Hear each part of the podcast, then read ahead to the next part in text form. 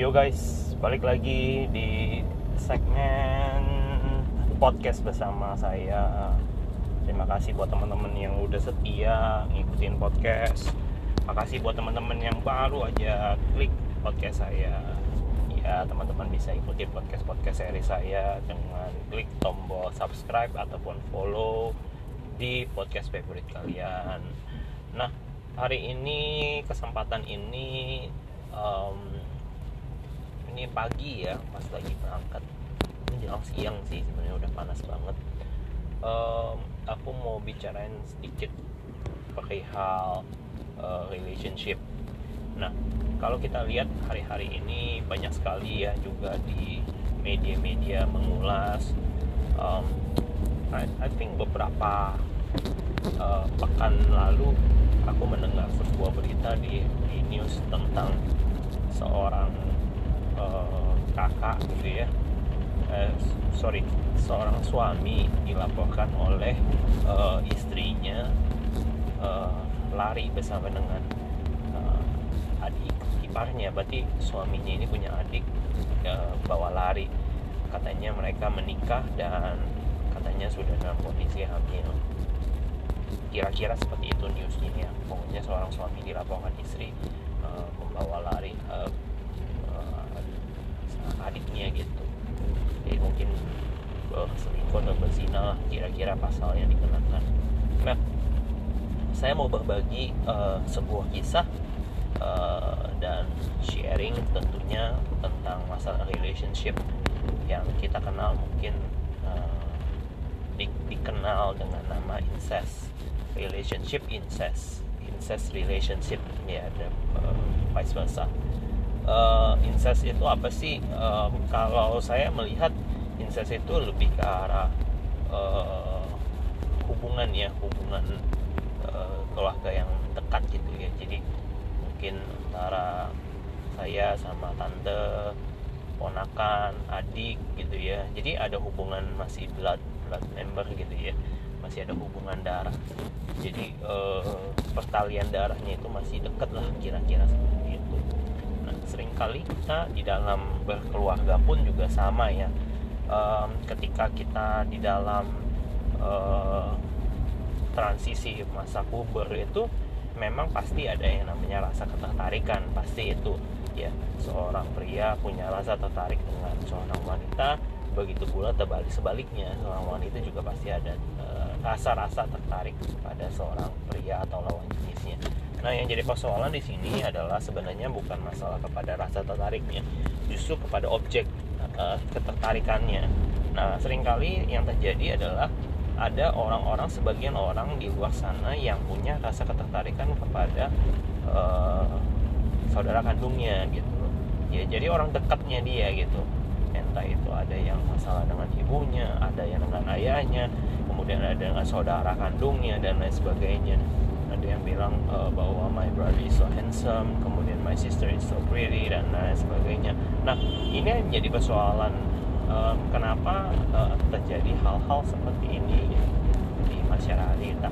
Um, yang pertama kalau saya me, me, me, mengamati adalah yang pertama mungkin tadi sekali lagi yang saya pernah juga ulas di episode-episode sebelumnya bahwa Indonesia itu agak sedikit kurang di dalam uh, early sex educations mereka kurang diajarkan untuk mengenai masalah uh, proper sex education. Justru mereka lebih banyak mendapatkan sex education uh, lewat pencarian mereka, lewat dengan teman-teman mereka yang notabene menurut saya bisa saja mereka disesatkan, bisa saja mereka menerima informasi yang tidak sepatutnya. Mereka mendapatkan justru informasi-informasi yang yang terkesan menurut saya uh, menjerumuskan mereka ke dalam suatu hal yang sesat. Jadi memang benar sebuah istilah atau sebuah populer jargon yang tentang malu bertanya sesat di jalan. Tetapi uh, malu juga memberikan informasi bisa membuat orang tersesat juga gitu loh. Ya kita sudah tahu anak-anak kita mungkin uh, pasti namanya mereka beranjak puber mereka beranjak besar mereka akan menemukan hal-hal seperti itu akan interest them gitu loh. Nah kita perlu untuk menggait mereka, kita perlu mendidik mereka, kita perlu mengarahkan mereka. Dan itu adalah sebuah bagian daripada uh, pendidikan menurut saya gitu.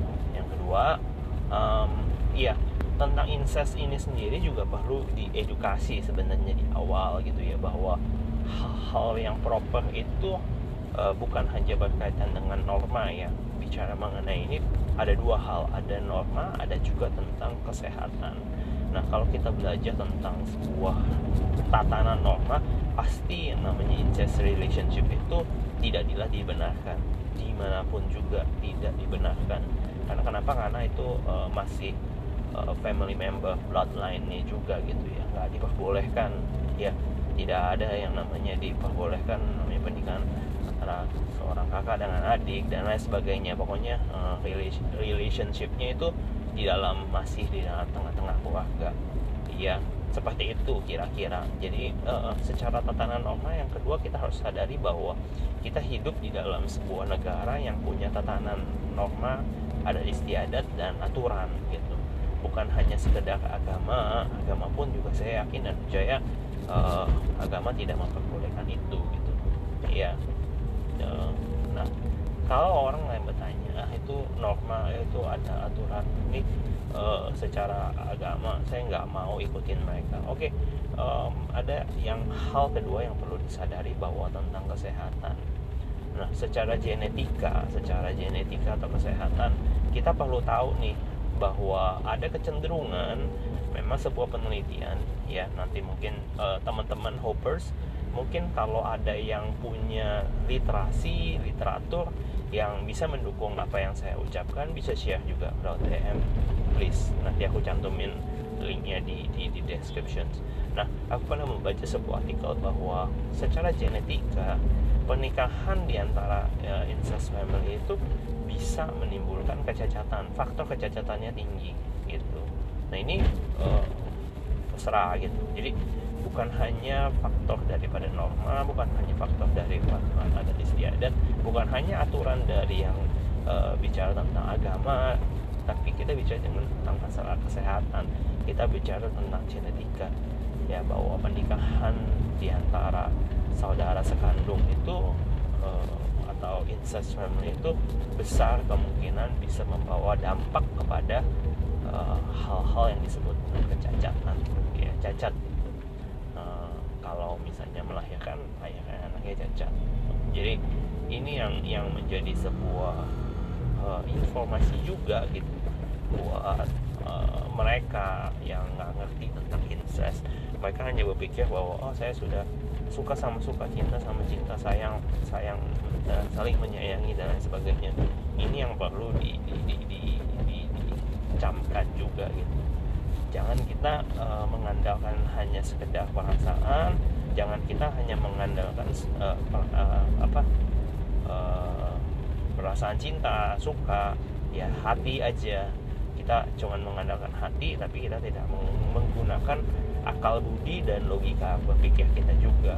Padahal yang harus di, di, di, diketahui bahwa manusia itu beda dengan binatang. Kalau binatang mereka hanya bergerak berdasarkan naluri atau insting mereka. Mereka tidak punya akal budi mereka tidak berpikir apakah mereka sedang uh, kawin kawin mengawin antara keluarga atau apa itu tidak diketahui dengan jelas.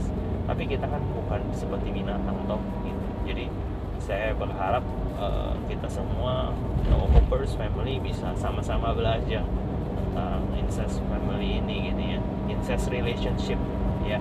Jadi ini yang perlu disadarin. Kadang-kadang juga uh, kita melihat bahwa perkembangan dunia saat sekarang ini banyak sekali orang juga. dilaporkan ada di depan. Uh, banyak sekali orang tidak terlalu berpikir panjang. Banyak orang juga tidak mengindahkan yang namanya nasihat-nasihat. Apalagi juga kalau kedua orang tuanya sudah tidak uh, care banget gitu ya terhadap apa yang terjadi di dalam keluarga mereka. Mereka tidak mau tahu. Mereka menyerahkan semuanya kepada pembantu dan lain sebagainya uh, apabila sudah terjadi hal-hal yang yang yang yang tidak mengenakan baru mereka uh, seperti itu. Jadi ini penting sih. Jadi sekedar kalau teman-teman buat yang uh, apa ya sedang merencanakan ataupun sedang terlibat di dalam uh, case-case seperti ini uh, saya sarankan uh, anda butuh seorang psikolog anda butuh seorang pendamping rohani yang bisa uh, mendoakan anda. Jangan uh, kita menganggap bahwa hal seperti ini sesuatu hal yang yang yang lumrah tidak. Ini ini juga hubungannya dengan uh, kejiwaan saudara gitu. Jadi anda butuh pertolongan silahkan anda cari pertolongan sesegera mungkin. Nah buat teman-teman yang punya teman yang seperti itu ya kalau misalnya anda nggak bisa kasih tahu anda bisa kasih link podcast ini untuk didengarkan mereka supaya mereka juga boleh mendapatkan informasi yang uh, tepat jelas dan supaya mereka juga bisa keluar dari uh, masalah uh, incest relationship ini gitu. Um, sekali lagi uh, saya sejujurnya kalau ditanyakan uh, secara frontal saya uh, melihat sering kali melihat bahwa ada hubungan. Memang uh, seorang kakak ada adik dan sebagainya. Tapi kalau bicara mengenai batas di dalam batas-batas kewajaran itu oke okay, gitu. Saya pernah melihat juga memang saya pergi sama adik saya saya pergi sama siapa pun anggota keluarga saya. Tapi di dalam batas yang memang saya mengasihi mereka sebagai saudara saya tidak lebih daripada itu. Jadi sebenarnya lebih ke arah murni kepada hatinya juga sih apakah kita punya pikiran dan perasaan yang macam-macam ataupun tidak.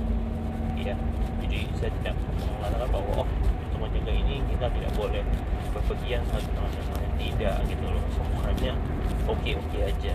Yang masalah itu adalah ketika kita justru terperangkap di dalam perasaan suka yang berlebihan dalam tanda konteksnya kan dalam tanda kutipnya kan sukanya itu kan cinta gitu ya. Saling cinta saling saling suka terlalu berlebihan. Di luar batas kewajaran ya kakak adik ataupun seorang anak pada ibu atau seorang anak pada ayah it's okay gitu loh. Tapi kalau misalnya suka terlalu di atas kewajaran pengen memiliki pengen punya hubungan yang lebih nah di situ yang menjadi problem di situ yang jadi masalah gitu. Jadi itu aja yang saya mau bagiin hari ini. Um, semoga hal-hal yang yang saya dengar itu uh, sesuatu hal yang menjadi yang pertama dan yang terakhir saya tidak mendengar masalah-masalah ini lagi. Uh, saya pikir negara kita perlu uh, menggaungkan lebih lebih lanjut lagi ya tentang early sex education ya. Uh, kalau kita bicara mengenai seks itu selalu tabu seks itu tidak boleh di, di, diketahui oleh anak-anak kita lah. Lalu siapa yang akan mendidik mereka apakah kita membiarkan internet yang mendidik mereka?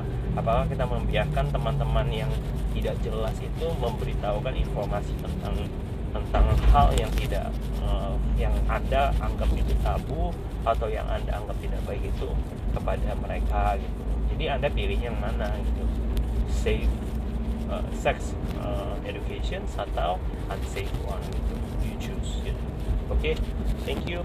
Saya pamit uh, thank you so much for listening and may God bless you all. See you guys in the next episode. Hoppers bye bye